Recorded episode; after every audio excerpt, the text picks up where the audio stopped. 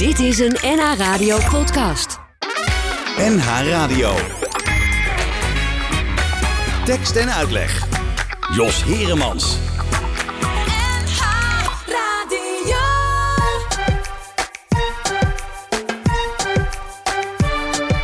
Ik weet er niks van, ik doe mijn oogkleppen op, ik steek mijn kop in het zand, ik hang een bord voor mijn kop. Het kan me weinig schelen als er nog eens een probleem is, want weet je wat het is, ik heb een chronisch slecht geweten.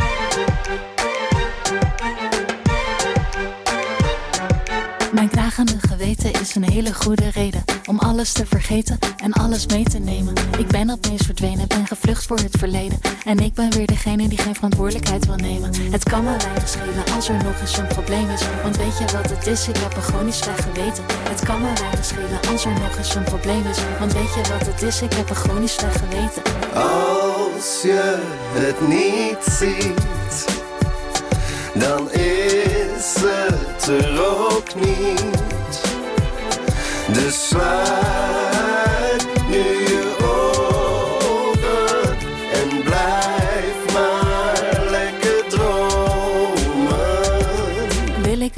wat het eigenlijk betekent? Ben ik nou echt de enige met een chronisch slecht geweten? Wanneer boontje om zijn loontje komt, komen er problemen. Maar als ik er onderuit kom, tel ik meteen mijn zegen in.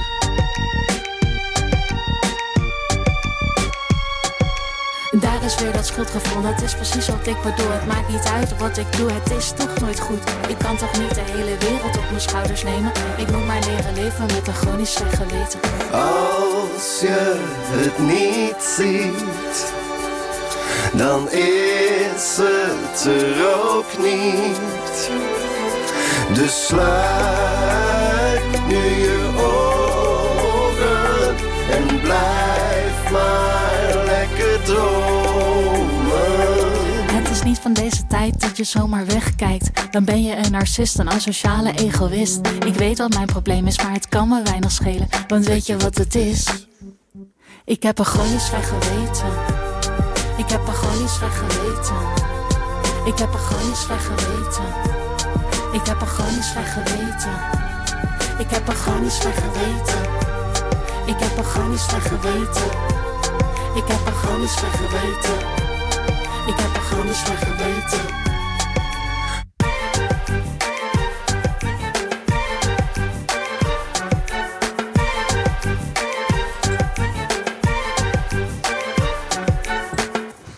Dat was eh, chronisch slecht geweten van Kordaat. Dat kende ik dus eigenlijk alleen als bier. Maar het is dus ook een groep. En eh, dit is een nieuwe single. Een grappig nummer. Chronisch slecht geweten. Welkom bij eh, Tekst en Uitleg. Voor de gelegenheid zijn we weer eens op locatie. En we zitten in Café P60 in het Stadshart in Amstelveen. En dat is reuze gezellig. Het publiek komt zo dadelijk pas binnen. Wij zijn er nu al. En wij zijn in dit geval Kim Schuddeboom, stand-up comedian. Heeft een avondvullend programma geschreven dat dan weer ongeschreven heet. En eh, we hebben het eh, over de teloorgang van het Chinees-Indisch restaurant in Nederland. En dat wordt dan eigenlijk beschreven door de ogen van een moeder en een dochter. De dochter is hier, dat is eh, Charlotte H. Goedemiddag, hallo. En eh, de schrijver, een van de schrijvers van het stuk eh, is hier ook, eh Chi, Le, Chi Ying Liu. En, Helemaal goed. Helemaal goed, hè? ja. Ik heb erop geoefend. Ja. ja.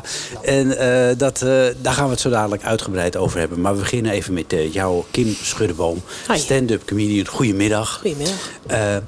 Uit Alkmaar. Geboren, ja, ja. Ja, nou, Ja. dan kom je uit Alkmaar, hè? Oh, ja, ja, ja, ja. ja, wij, wij hechten enorm aan het Noord-Hollandse karakter van dit programma natuurlijk. Dat Ja, begrijp je. nee, dat snap ik, ja. Ehm, je hebt een eh avondvullend programma. Je bent al een tijdje bezig als stand-up comedian. Je Ja. hebt je sporen al verdiend in de Comedy Train. In dat eh, prachtig mooie zaaltje onder het Hilton Hotel. In Toemler, ja, ja en, klopt. eh, je, nou ja, en, en nu dus de theaters in met die show. Ja. Ehm, ik, laat ik maar even bij het begin beginnen, want we hadden het over Alkmaar. Was jij in Alkmaar op de basisschool ook altijd het kind dat bij de weeksluiting eh, wel een stukje wilde doen? nou ja, dat is dus het punt. Ik ben er alleen geboren, dus ik heb nooit in Alkmaar op school gezeten. Oké. Ehm, maar wel in Heergewaard, onder andere. Ik ben veel verhuisd als kind, maar ook wel in Heergewaard. Eh ja, ik wilde altijd wel een stukje doen. Ja, ik vond het altijd wel leuk, Ja. ja. En, en wat wilde je dan doen? Want ik Nou kan ja, eigenlijk in groep 8. Dat was dan weer in Everdingen, omdat ik dus veel verhuisd ben. Maar toen kreeg ik een hoofdrol in de eindmusical. Aha. En toen was ik heel vaak mijn tekst kwijt. En ik merkte dat als ik zelf iets ging verzinnen, dan ging het publiek lachen. Dus eigenlijk heb ik de hele voorstelling gedaan alsof ik dat ik mijn tekst kwijt was. Ah, ja. En toen dacht ik, oh, dit is leuk. Als je, eh, Als je je tekst kwijt bent. ja, en als mensen moeten lachen. En, ja. Dus Ja. toen is er denk ik het eerste zaadje wel geplant. Ja. En dat betekende eigenlijk dat jij niet zo, misschien niet zo geschikt was als eh, eh, zeg maar eh, genreacteur, maar meer als stand-up comedian, waarbij je eh, wat meer kan improviseren. Ja, ik vind het heel moeilijk. Eh, ik vind het wel leuk om te doen, maar ik heb eh, eh, wel moeite met als iemand anders iets voor mij schrijft. Ik, Oh ja. ja. Ik, Ja. ik kan het wel, maar ik vind het, eh, ja, liever maak ik het zelf. Jij ja. maakt het liever zelf. En hoe is Ja. dat bij jou, Charlotte? Want jij bent actrice. En jij moet heel veel teksten van anderen uitspreken. Of heb jij ook eigenlijk liever eh, dat, dat je het zelf verzint? Nee, ik heb heel graag dat iemand anders het verzint. nou, voor nu. Misschien dat de maker in mij later nog komt, maar voor nu vind ik het eh, heel tof om met teksten te werken. Oké, oké. Uiteindelijk eh, besluit jij dan ergens op een bepaald moment, eh, Kim, eh, dat je dus carrière wil gaan maken. Of althans, dat, zo denk ik niet zo, niet zo heel bewust. Maar dat je het, het theater in wil. Wanneer kwam dat? Ja, ik denk toen ik een, op mijn 25e kreeg ik een cursus van Toen vrienden. pas? Ja, toen pas. Ik heb heel lang gewoon gelanterfant en gewoon gezegd van ik wil ooit cabaretière wilde ik toen nog worden. Oh ja. En eh, daar deed ik niet zoveel aan en ik stond gewoon achter de bar Hmm. en eh, veel ook voor de bar. En eh, toen hebben mijn vrienden op een gegeven moment mij een kleinkunstcursus gegeven. Mhm. En toen had ik les van Merel Voorsluis. En die heeft ook het goedkoop cabaret in Amsterdam. En die zag er wat in en die heeft me Ah. eigenlijk gewoon een schop onder mijn reet gegeven. En toen ben ik naar Amsterdam verhuisd en ben ik open mics gaan doen. En, Ah, dat Ja. soort dingen, ja. Eh, je zei het al eventjes, ik heb, een ik heb veel gezworven op veel verschillende plekken eh, gewoond. Hoe kwam dat zo? Was jouw vader eh, gemeenteambtenaar die van de ene naar de andere gemeente Nee, ging? zeker niet. Nee, nee, nee. Mijn ouders gingen scheiden. En toen heb ik een tijd met mijn moeder samen in Kastrikum gewoond. En daarna zijn we naar Everdingen verhuisd. Ah, zo. Ja, Ja. ja, ja, dat, dat kan natuurlijk ook. Dat je op die manier het hele land ziet. Ja. Wat is jou het, eh, het liefst eigenlijk? Noord-Holland? Of zeg je van nou, ik heb voor Everdingen toch wel een zwak gekregen in die tijd? Nou, ik heb het gevoel dat ik wel opgegroeid ben in Everdingen. Omdat ik daar vanaf mijn negende ongeveer woon. Of tiende Voor, of voor zo. degene die niet weten waar het ligt. eh, je- Ja, het ligt aan de Lek, zo onder Utrecht. Het is een heel mooi, eh, mooi klein dorpje, bij Knooppunt. Knooppunt Everdingen. Knooppunt Everdingen. Mensen denken dat het ook heel groot is, maar het is echt heel klein. Eh, maar ja, ik voel me wel echt dat ik uit Noord-Holland kom. Ja, Oh. ik voel me wel verbonden met mijn Noord-Hollandse. Mijn hele familie komt ook uit Alkmaar, Ah.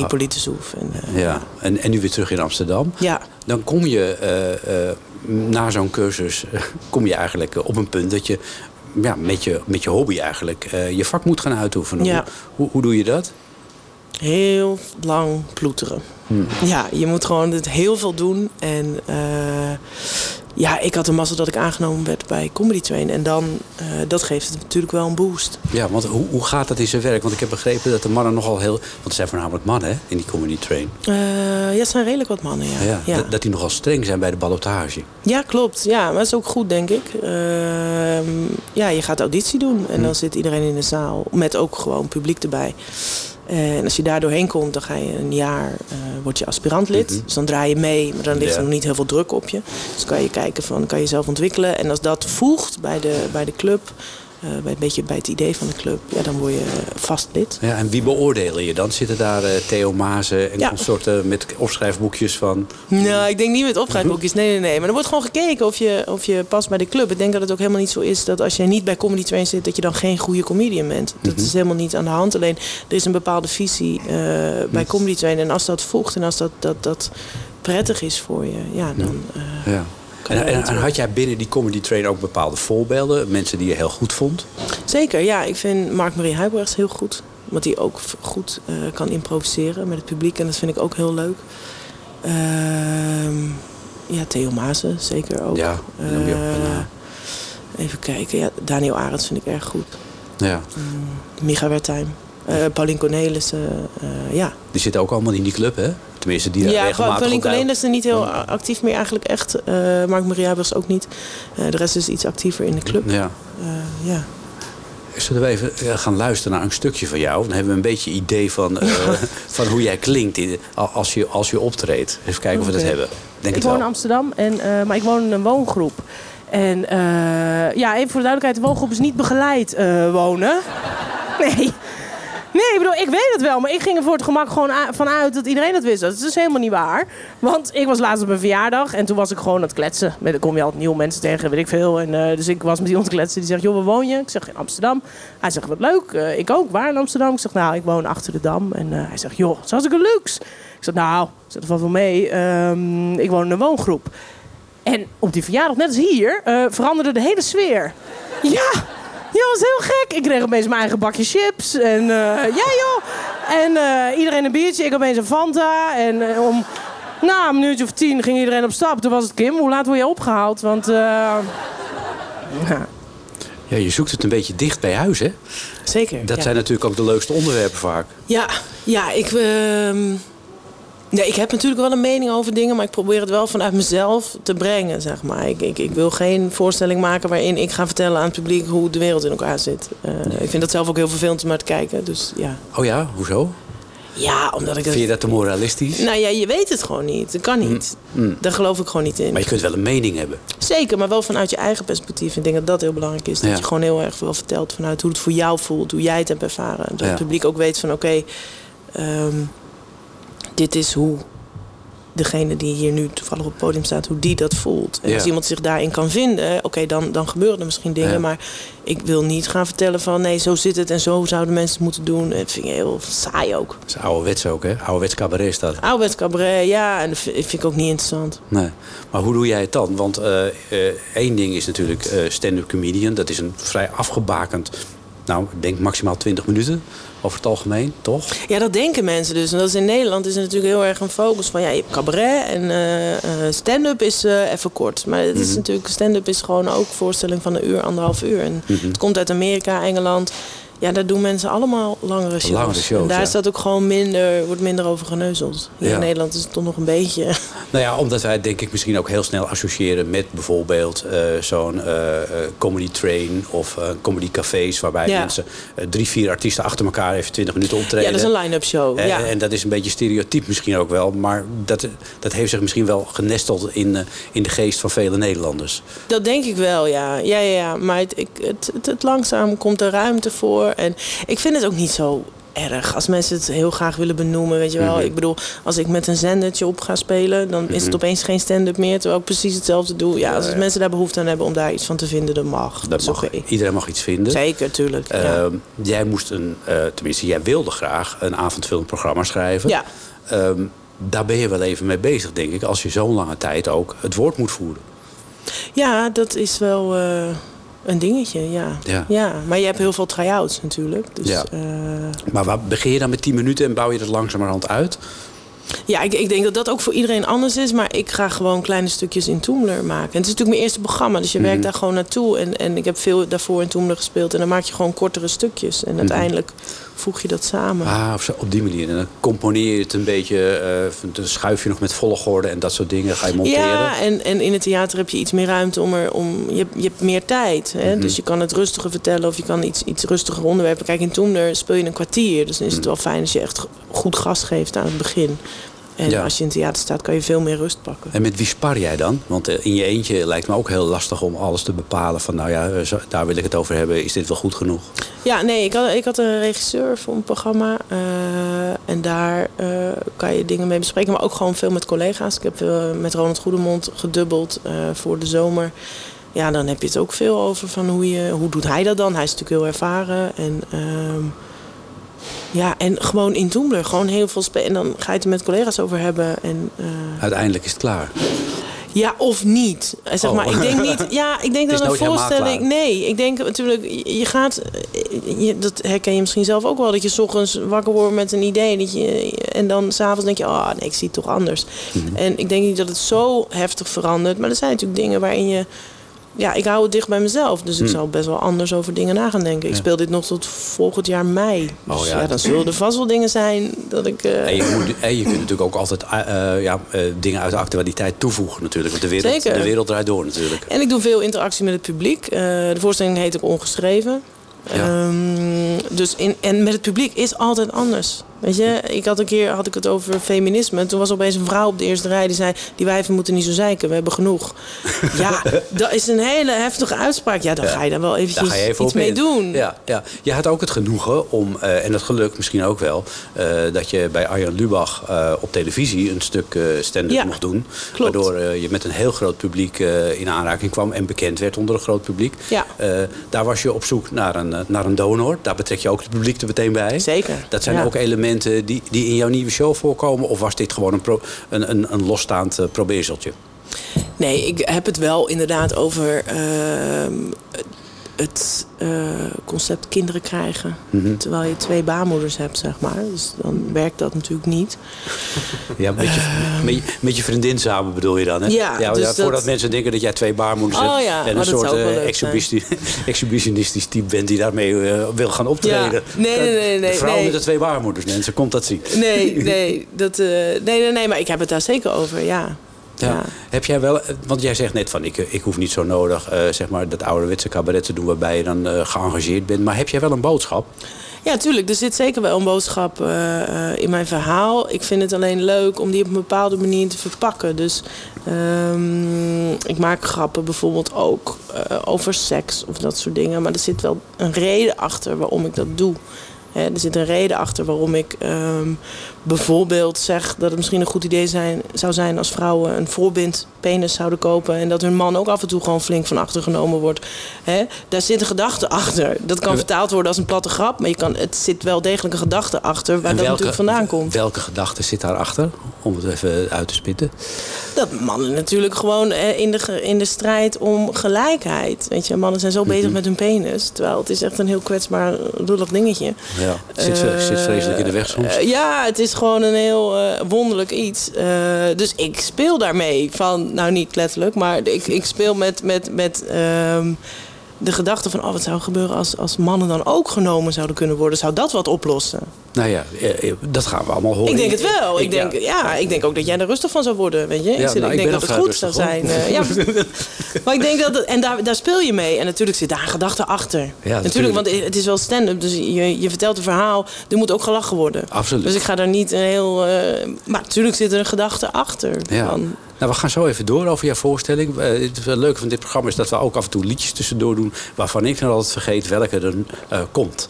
Dus eh, het is weer een grote verrassing. ik denk dat Wies komt.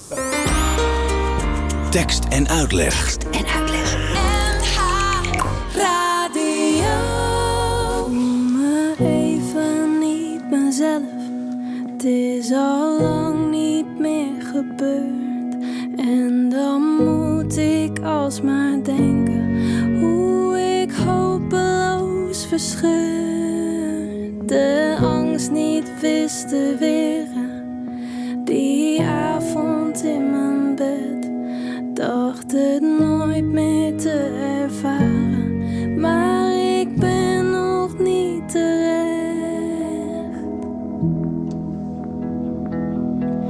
En zo gaat het elke keer,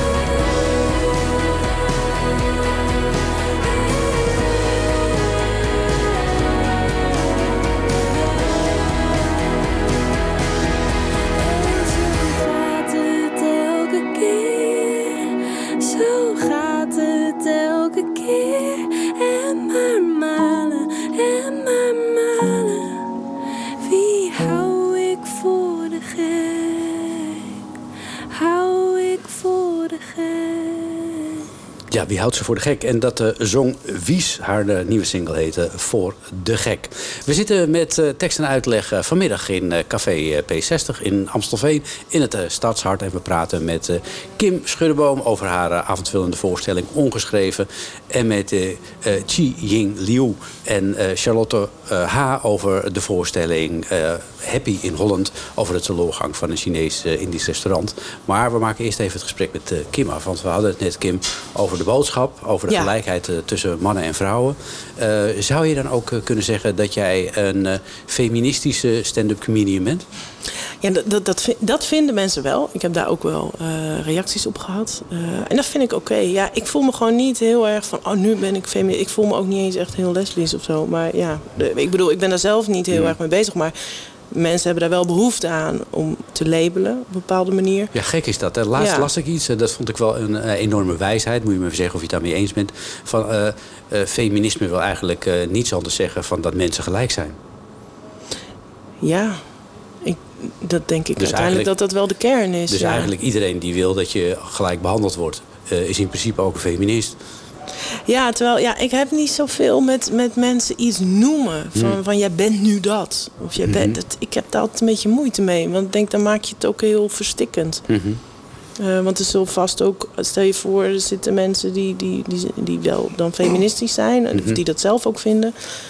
Eh, als je mij dat stempel geeft, het zou best wel kunnen dat ik met dingen niet eens ben. Of dat, weet je? Dus, maar ik vind het heel benauwend als, als mensen zeggen van ja, maar eh, ik ben nu dat. Dan denk ik, jeetje, nou, Nou, wat, wat heb nooit geweten. Ja. ja. Wa- Wat zijn de dingen die jou het meest ergeren in deze wereld? Mensen die ehm, geloven dat ze een patent op de waarheid hebben. Ja, Ja, waar- dat vind ik heel En waar vind je die? Overal. Oh, Ja, dat is jammer hè? ja. Daar kan ik me heel erg gaan storen. Zitten die ook wel eens bij jou in de zaal? En Zeker. Wat, en wat doe je daar dan mee? Ja, ik vind het dus heel leuk, want wat ik al zei, van, we moeten, mensen komen om te lachen, toch? Mhm. Ik geloof dat als mensen lachen, dat ze heel even niet nadenken. Dus dat er heel Mhm. even een bepaalde leegte is. En op het moment dat het met een hele zaal gebeurt, vind ik dat heel tof. Ja. Ehm, en daar zet ik ook op in. Ik wil gewoon zoveel mogelijk lachen met een zaal. En natuurlijk met onderwerpen die ik dan belangrijk vind. Eh, maar als ik merk bijvoorbeeld, ik heb wel eens iemand in de zaal die dan, eh, ja, dan kom je op en die gaat meteen tegen je schreeuwen of meteen iets roepen.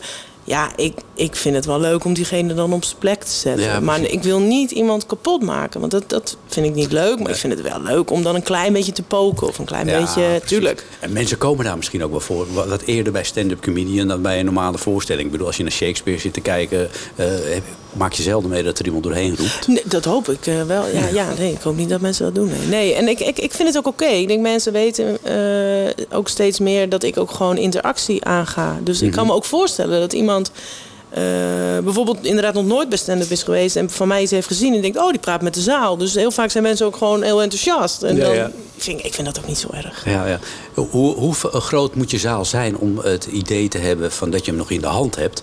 Want je, je kunt natuurlijk ook optreden voor hele grote zalen. Dat lijkt me als stand-up comedian heel moeilijk als je zo van die interactie moet hebben. Er zijn er maar een paar die dat misschien heel goed kunnen. Ik noem eh, Eddie Izzard bijvoorbeeld. Ja.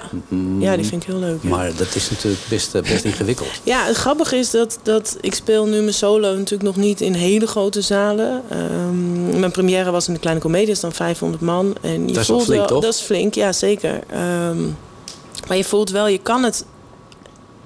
Ja, eh, ik denk dat als ik zelf heel rustig blijf en het gewoon klein hou... Je kan er een kroeggevoel van maken Oh ja. of zo. Weet je, Dus ik heb ook op Lowland stond ik met de Comedy Train, stonden we in een Mhm. line-up. Gaat er over 1200 man in. En, en voordat wij opkwamen was er een DJ. en Iedereen stond op stoelen en weet ik wat. Ik dacht, oh mijn hemel, wat een ellende dit. En toen kwam je op en je kon gewoon een stilte laten vallen. En iedereen was gefocust. Dus Ja. je kan het naar elkaar toe trekken. Ja. Ik vond het heel heftig, maar het was wel... Ja, het was heel leuk om, om, om dat te zien. Van, Ja. oh ja, dat kan dus wel. Ja, wel mooi ook om eh, op Lowlands te staan. Zit dat, zit dat dit jaar er weer in, Lowlands? Nee, ik ga niet dit jaar willen. Nee, ik Nee? vind het heel intens. Ik vond het heel leuk. Maar het is ook heel intens. je richt je op je theater toe. Ja. Eh, de, de titel van jouw eh, voorstelling is ongeschreven. Ja. Betekent dat ook dat je niks hebt opgeschreven? zit, het al- Weinig. zit het allemaal in je Eh, hoofd? ja, nee, ja, de verhalen die ik vertel zijn dicht bij mezelf. Ik vertel ook over mijn familie. Ik vertel dingen uit mijn eigen leven. Dus dat zijn gewoon verhalen die waar... Eigenlijk elk verhaal wat ik vertel is waar gebeurd. Hmm. Natuurlijk geef je er een swing aan en moet je het op een leuke manier vertellen. Want anders wordt het een vrij lange avond. Maar het is gewoon waar gebeurd. Dus dan hoef je het niet op te schrijven. Oh, oké. Dus ik schrijf wel steekwoorden op, maar meer van... oh ja, dit verhaal moet hier of dit wordt daar gekoppeld. Oh, Eh, zo. ja. Ja. Het is niet zo dat je, uit, dat je na afloop een tekstboekje kunt krijgen. Nee. Nee joh, nee. Dat weet je zelf Lijkt mezelf ook wel leuk, maar nee, dat is er niet. eh, nee. Nou, dat is jammer. Eh, goed, nou, eh, ik wens je heel veel succes. Je bent in Dankjewel. Noord-Holland onder andere te zien in de campagne eh, in het park. En, eh, oh, dat is ook leuk, eh, in de toegift op Texel. Zeker, dus, ja. eh, en mensen die eh, willen zien waar jij optreedt, heb jij een website waar we naartoe kunnen, zodat we weten waar je allemaal bent? Ja, eh www.kimschoeneman.nl of zoek me op Instagram. Daar komt ook alles eh, Dan komt alles te eh, staan. tevoorschijn. Dat is wel leuk trouwens. Eh, eh, spelen jullie trouwens ook eh, eh, het liefst eh, stukken van buiten? Of doen jullie wel met tekst, Charlotte? Stukken van buiten? Nou ja, zoals zij, zo- zonder tekst gewoon. Dat er geen tekst is, maar dat je hem zelf verzint. Oh nee, wat ik al zei, ik, ik vind het fijn om met, die, met een tekst te spelen. Ja. En eigenlijk zeg ik ook, ik improviseer ook vrij weinig met de tekst. Wel Ja. met spel, maar niet met tekst in Happy Holland. Oh, oké. En wat, wat Kim net ook zei, van, ze zoekt het eh, heel dicht bij huis. En eh, alles wat ze eigenlijk vertelt, dat is echt gebeurd. Is dat bij jullie ook zo? Want het verhaal van het Chinees in dit restaurant... dat lijkt me een... Ja, al- als ik, dat zo, eh, als ik de voorstelling zo gezien heb... lijkt me dat een verhaal wat echt gebeurd kan zijn. Zie je? Eh, nou, het- is op waarheid gebaseerd, zeg maar. Het de, maar het is wel naar de theatraliteit getrokken. Dus eh, scènes die we hebben verzonnen... En daar zit een kern van waarheid in, maar niet alles is echt gebeurd. Niet alles is echt gebeurd. Nee, want, ik, want er is een scène bijvoorbeeld over worstjes... die, eh, die eh, moeder maakt. En Charlotte die gaat dan daarmee... die wil dat ook snijden.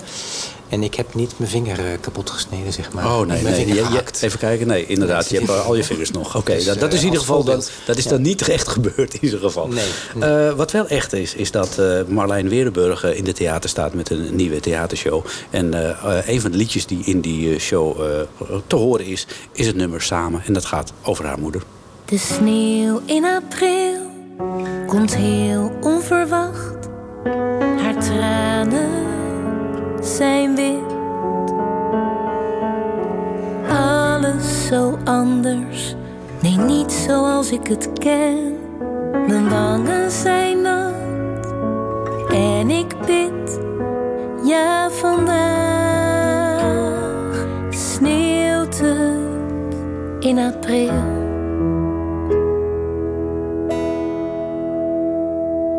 De kersenbloesem bloeit in roze en wit. Het roodborstje zoekend van achter het raam. Ik mis je zachte ogen, zeg nog één keer mijn naam. En ik vermijd de lege stoel waarin je nu niet meer zit.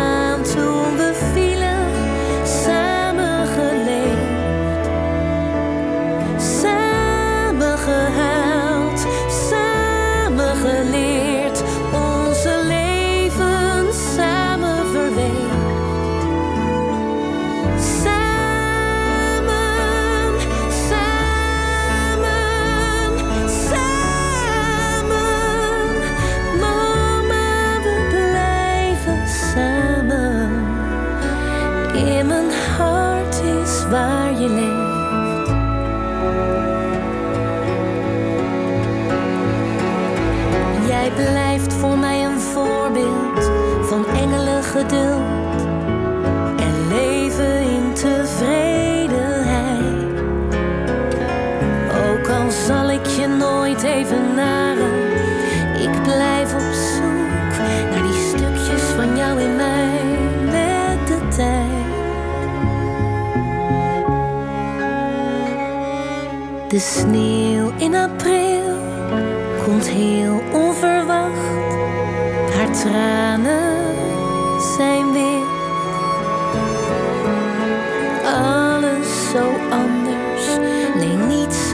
ik het ken. Mijn wangen zijn nat en ik bid. Ja, vandaag sneeuwt het. Ja, vandaag sneeuwt het. Ja, vandaag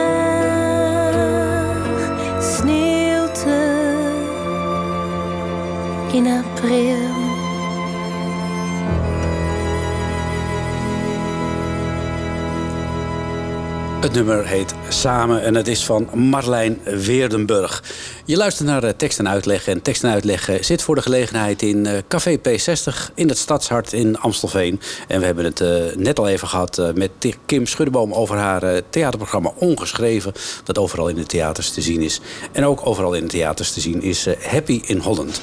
Een voorstelling van Rose Stories Theater Bellevue en via Rodolfi Producties over de teloorgang van een Chinees-Indisch restaurant met de naam Hong Kong.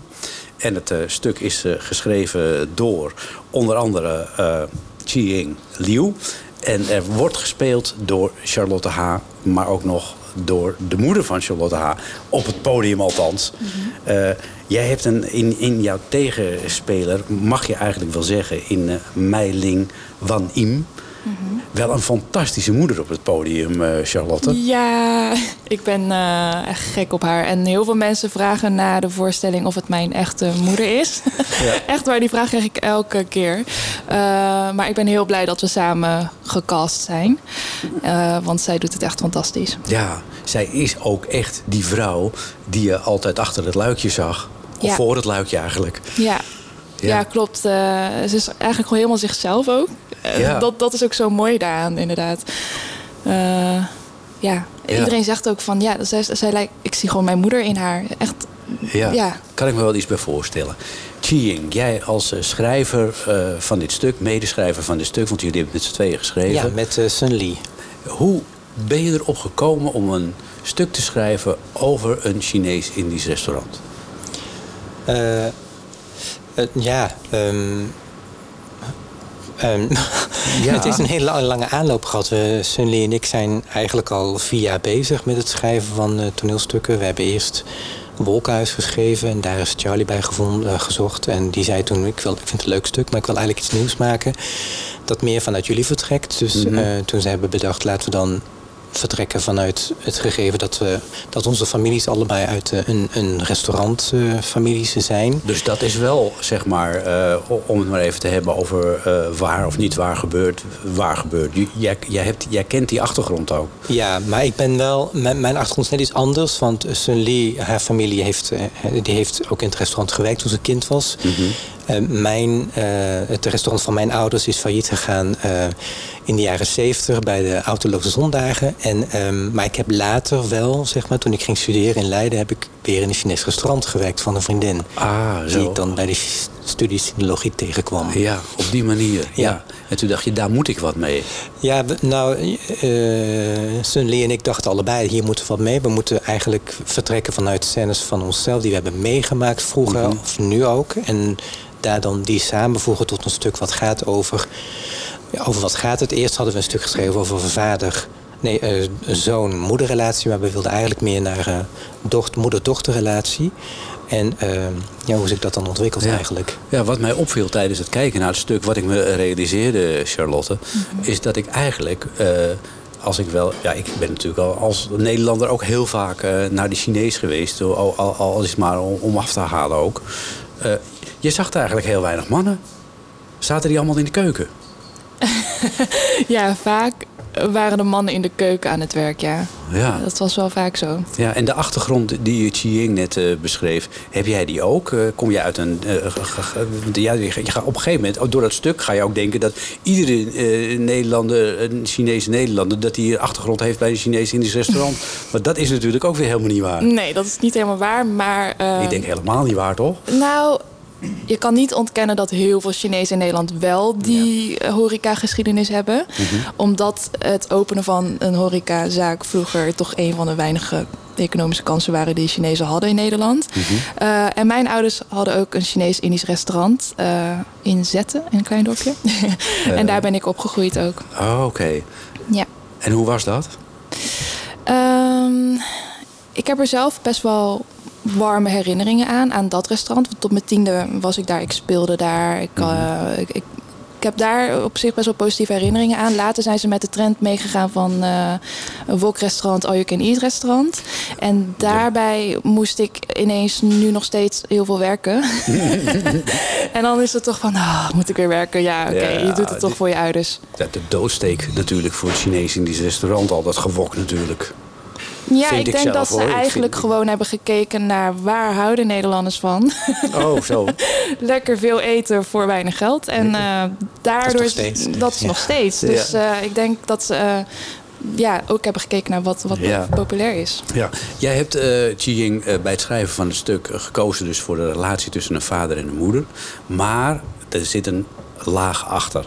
En die laag is natuurlijk hoe zijn die mensen hier in Nederland terechtgekomen? De moeder heeft natuurlijk. En ja, die is, die is niet uh, voor de lol uh, naar Nederland gekomen. K kun je daar iets over uitleggen voordat ik het doe? Uh, ja, oh, je bedoelt de moeder-dochterrelatie. Moeder ja, precies. Ja. Nou, um, kijk, mijn vader is in de jaren 60 naar, vanuit Hongkong naar Nederland gekomen, omdat hij gevraagd werd om te werken in een restaurant. Mhm. Mm -hmm. en, en, om de, en er was in Hongkong ook niet veel werk. Dus het was voor hem een mogelijkheid om. Uh, een economische migrant was dat. En er ja. was heel veel behoefte aan in Nederland in de jaren ja. 60. Omdat ja, dat, was het, dat was de horeca, dat was het, het uit eten gaan. Dat was een ja. restaurant. Dus hij kwam op verzoek van vrienden naar Nederland toe. Ja, maar het verhaal wat er ook nog uh, doorheen loopt... is dat, je, uh, dat de, de, de, ouders zeg maar, van, van Charlotte in dit geval... Eigenlijk de, de culturele revolutie ontvluchten in China.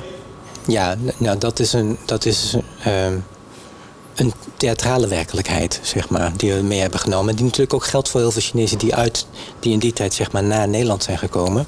Ja. Er zijn heel veel Chinezen in de jaren 60, mm -hmm. jaren 70 naar Nederland gekomen, terwijl de culturele revolutie speelt. Ja, ja, ja dit, dat was echt vluchten voor je leven natuurlijk. Want uh, ja, uh, ja, als, ja. Je, als je een beetje intellectueel was, dan, dan was je verdacht. Ja, klopt. Ja. ja. Dat, dat, dat, realiseren wij ons waarschijnlijk hier niet, uh, Charlotte. Dat we gewoon, dat, wij, wij denken misschien die Chinese, de Chinese mensen uit die tijd... die zijn hier naartoe gekomen uit economische redenen. Maar er zijn natuurlijk ook best veel politieke vluchtelingen. Ja, ja ik denk dat het meer de generatie van mijn oma is. Mm -hmm. uh, ik weet er het fijne niet van, maar ik weet wel dat het daar toen arm was in China. Ja. Dat ze daarom naar Nederland is gekomen. Ja. Uh, uiteindelijk uh, is uh, een Chinees-Indisch restaurant dan zeg maar het startpunt voor heel veel mensen ja, om, om, om een bestaan in Nederland op te bouwen. Um, hoe, hoe, was het bij jullie thuis, Tijian? Was dat ook zo? De, je, je, dat is zeg maar de basis? Jawel, ja. ja mijn vader kwam echt als, om geld te verdienen in het restaurant in, in, in, Nederland. En, ja. Uh, ging werken in uh, restaurant op het Rokin in Amsterdam. Mm -hmm. En uh, in de ja, begin jaren 60. En eh, het is wel een leuk verhaal misschien, want hij, hij werkte daar en daar was een tuberculose-uitbraak eh, Mhm. in dat restaurant. En daardoor moest hij zeg maar naar Zonnestraal toe in eh, Hilversum om eh, ja, bij dat sanatorium zeg maar, beter te worden. En daar was mijn moeder verpleegster. En ze hebben elkaar op die, daar ontmoet eigenlijk. Daar zit, een nieuw, daar zit een nieuw stuk in, hè? Ja, daar zit een, daarom promoot ik het nu een beetje. Ja. Huizen Zonnestraal. Huizen Zonnestraal, Eh, liefdesgeschiedenis, ja. Ja. Ehm, in de jaren 60 denk ik inderdaad, eh, maar dat moeten jullie maar zeggen als het niet zo is, dat het de hoogtijdagen waren van het Chinees-Indisch restaurant. Eind jaren 60, begin jaren 70. Ja, ik denk het wel, toch, Charlotte? Ja. Of da- daarna, denk jij? Ik weet het niet zo goed. Nou, ik weet wel dat in het stuk gaat het ook over... Ja, wat was het nou, dat die, die context van het Chinese restaurant? En eigenlijk is het Chinese restaurant het begin van de horeca in Nederland. Ja, En ook- vanuit daar komt de pizzeria's, de shawarma tent en dat soort Ja. dingen. Dus dat was het eerste uit eten voor de Nederlanders. Ja. En dat was heel populair in de jaren 60. Mensen gingen met pannen naar de Chinees, omdat ze daar nasi in kregen op thee. Veel, met, met veel voor weinig geld naar huis. Precies. En daar waren de Nederlanders lyrisch over. Zo lyrisch dat er een lied over gemaakt is. Ah. Luister maar.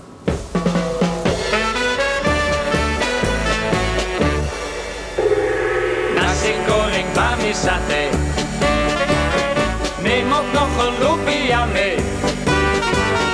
Eet je maar op, het is ook zo gezond. Ja, de Chinees doet veel meer met vlees.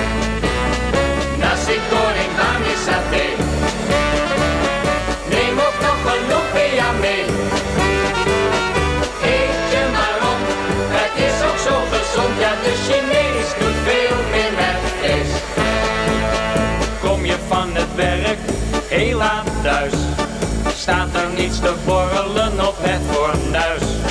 Neem een goed besluit, ga er eens op uit en haal eens iets lekkers in huis. Nasi goreng bami saté, neem ook nog een lumpia mee. Kennen jullie dit? Nee. of misschien dat ik het ooit een keertje heb gehoord. Nou, melodietje klinkt bekend, maar... Hey, het komt uit 1968. Stond ook in de top 40. Echt waar? Echt waar. Werd door iedereen meegezongen. En eh, is eh, geschreven door een eh, Engelse groep. The Webs heten ze volgens mij. En is in het Nederlands vertaald door Kloes van Mechelen. Die later alle muziek maakte voor de shows van Wim T. Schippers onder andere. En daarmee hadden de Butlers, want zo noemden ze zich, in Nederland dus een hit. Nou ja. En is het letterlijk vertaald uit Engels? Nee, het ging heel dat zeg- anders ja, dat- over. dat- Ja, dat ik dacht ook al. Nee, nee, nee. nee Interessant hoe dat in het Engels klinkt, maar dat is dus anders. nee, Ja, het, is- het was een Engels liedje. Het ging over de liefde, geloof ik. En het is Oh, vertaald in eh, Liefde voor de Chinees. Ja, nou ja, zulke liedjes kunnen vandaag niet meer, denk ik. Maar Nee, dat denk ik ook Nee. Nee, nee dat denk ik ook niet meer. Jullie... Ik, Misschien ga- ken ik het omdat Charlie dit verwerkt heeft in de bananengeneratie. Van al die Oh, nummers dat die voorbij kunnen, kwamen. Ja, ja, En wat is de bananengeneratie? De bananengeneratie is eh, een, een, een toneelstuk Ja. over eh, eh, Oost-Aziatische Nederlanders. Ook Mhm. gemaakt door, eh, ook geregisseerd door Ch- Charlie Chung. Die Mhm. ook eh, Happy in Holland heeft gemaakt. Ja. Ehm, Het is op basis van een boek van Piet Woe, de Ja. bananengeneratie. Ah ja, op die manier. Ja. Ja. Eh, het decor, dat is natuurlijk al eh, heel speciaal. Want jullie decor bestaat eigenlijk uit eh, uithangborden, lichtbakken eigenlijk van eh, Chinees-Indisch eh, restaurants. En dan denk ik, die hebben jullie gewoon eh, opgekocht van de restaurants die, eh, die ter ziele zijn gegaan. Klopt dat?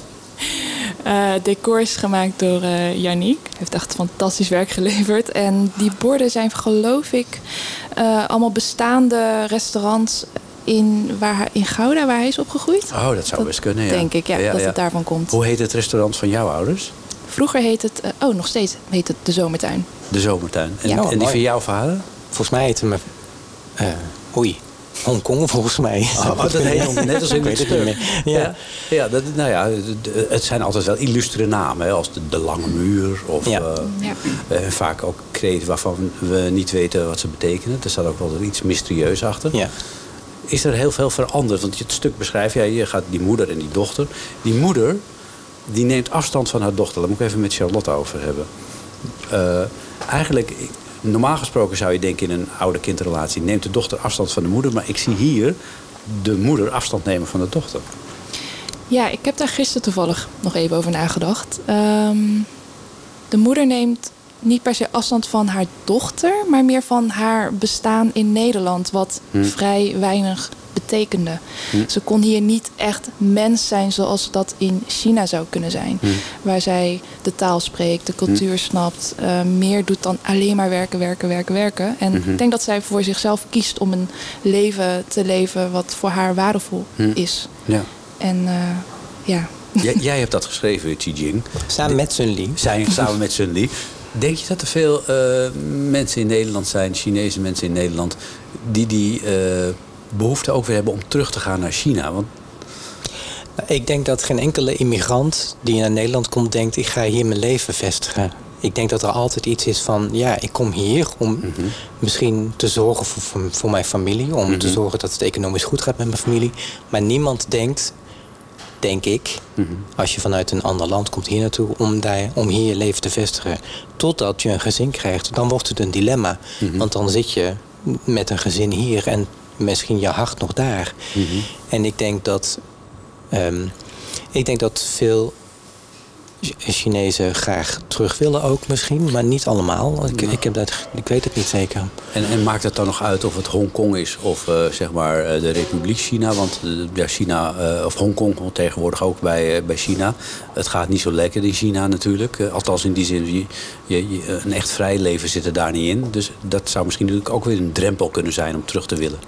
Eh, ik denk dat heel veel, als ik naar mijn vader kijk, die, die, eh, die, eh, die hoe zeg ik dat nou, die ehm, idealiseert alles in China. Dus ik denk niet dat hij zo'n probleem zou hebben om naar Hongkong of China terug te gaan. Je, je leeft gewoon je leven. Je bent niet zo. Kijk, wij kijken naar China en denken alles heel erg vanuit een kritische noot. Kijken we naar China, hoe, het- hoe het zich gedraagt. Maar de Chinees zelf, dat is.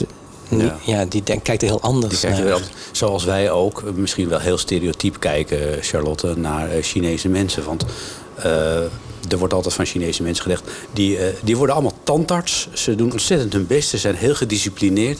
En als ze een 10 kunnen halen, dan willen ze geen 9. Klopt Ja. dat? Ja, er zijn zoveel eh, zulke Vooroordelen. vooroordelen. En eigenlijk zeggen mensen dat het positieve voordelen zijn. Van ja, het zijn rustige mensen. We horen nooit wat van ze hard werken.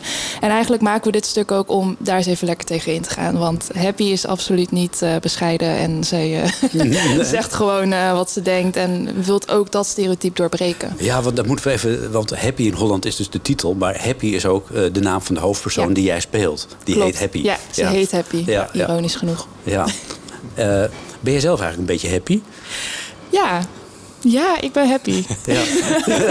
happy als in happy. Nou ja, heb je een tevreden leven? Je, je, bedoel, je vertelde net al eventjes van eh, je bent eh, opgegroeid in Zetten. ja, van, vanuit een Chinees Indisch restaurant. Je bent actrice geworden. Je Ja. speelt verschillende rollen. Ja. Dat, ja, dat is iets natuurlijk. een vrij, een, vrij- een- je hebt de vrijheid gekozen om, om, ja, om een artistiek leven te kunnen gaan leiden. Dat is Mhm. mooi, toch? Ja, en die keuze heeft mij denk ik heel happy gemaakt. Ja. Dat ik daarvoor ben gegaan en dat er zo'n stuk op mijn pad komt wat mij heel veel voldoening geeft. Ehm, daarom kan ik nu zeggen van ja, op dit moment ben ik best wel Ja, happy. ben je best wel happy. En eh, hoe, hoe is dat met de druk dan vanuit je ouders eventueel eh, om de zaak over te nemen? Dat hoor je nog wel eens bij Nederlandse mensen die een zaak hebben. De zoon van de slager, die moet dan ook slager worden. Hoe was, hoe was dat bij jou, Tijing? Eh, in, in mijn geval ging gelukkig mijn vaders restaurant failliet. Dus dat, dat scheelt dan weer. Geluk bij een ongeluk. ja. En hoe ben jij zo, hoe ben jij zo in, in de wereld van eh, het stukken schrijven terechtgekomen, van de theaterwereld? Ehm, ik, heb, ehm, ik heb de toneelacademie gedaan, de deeltijdopleiding. Want ik ben na mijn studie Chinees ben ik heel lang naar Peking verhuisd. En toen dacht ik na acht jaar, ja, hoe moet ik hier nog, moet ik hier nog lang zitten? En toen dacht ik, vind, vind het wel leuk om iets met theater te doen. Toen heb ik auditie gedaan op de toneelacademie. En ben na mijn, eh, toen ik was aangenomen, ben ik teruggekomen naar Nederland. Ja, ik, zit, ik zat me ook tijdens de voorstelling te bedenken... hoe zouden ze in Hongkong reageren als jullie daar dit stuk spelen?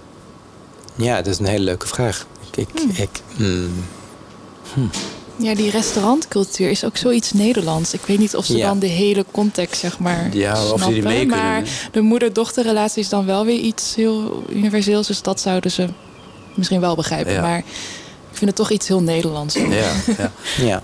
Eh, tot slot, we even filosoferend over het Chinees-Indisch restaurant... en de toekomst daarvan, zoals dat ook in het stuk is beschreven. De, er hangt een soort treurigheid omheen.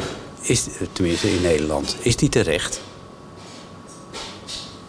Ja, Nee. Nee, ik vind. Nee. Nee. Kijk, nee, het is, het is heel interessant, want mm, in het stuk komt een passage voor. Dat hebben jullie uitgekozen eigenlijk, waarin. eh, de eh, visies op het Chinese restaurant eh, als een soort van potpourri zeg maar, in elkaar zijn gezet. En dan hoor je alleen maar het commentaar van Nederlandse mensen op de treurige situatie van het Chinese restaurant. En zonder in te gaan op, het, op de levens die achter die gevel eigenlijk allemaal plaatsvinden. En eigenlijk vind ik dat treurnis. Ja. Meer die kijk op hoe, hoe je kijkt naar een buitenkant. eh, en dat dan treurig vindt. Dat vind ik treurigheid Ja, eigenlijk. ja, ja. ja. En, en hoe is dat bij jou? eh? Ja, ik ben het daar wel mee eens. En ik voel juist heel veel trots op eh, onze horeca-geschiedenis. Want het was inderdaad het eerst uit eten. Het is nu eh, cultureel erfgoed geworden. Ik vind het juist iets eh, heel mooie bijdrage... waar met respect naar moet, gekeken moet worden. En niet met, nee, oh, het is allemaal treurig en lelijk en zo. Nee, dat is het niet. Dus ze moeten gewoon in stand blijven, de Chinezen in dit restaurant. Eigenlijk moeten er alleen nog maar... Ik mis er wel eens, weet je dat? Ja, dat snap ik. Vooral als je onderweg bent. Ja. Dat, want, nou ja, als je vroeger op reis ging, op tournee of whatever... dan je ging altijd eten bij de Chinezen. Heb jij vaak bij de Chinezen gegeten, Kim? Als je, je, bent, je, je bent er nog. Want artiesten die pakken vaak een Chineesje voor de voorstelling. Ehm, ja, ik durf het bijna niet te zeggen, maar ik hou er niet van. Nou, Ja. dat wel. Heel erg uit. Ja, het spijt me. Ja, Nee, nee, helemaal ik, niet. ik weet inderdaad dat, dat eh, sowieso Aziatisch eten heel populair is onder Ja, artiesten. Onder artiesten, Eh, ja.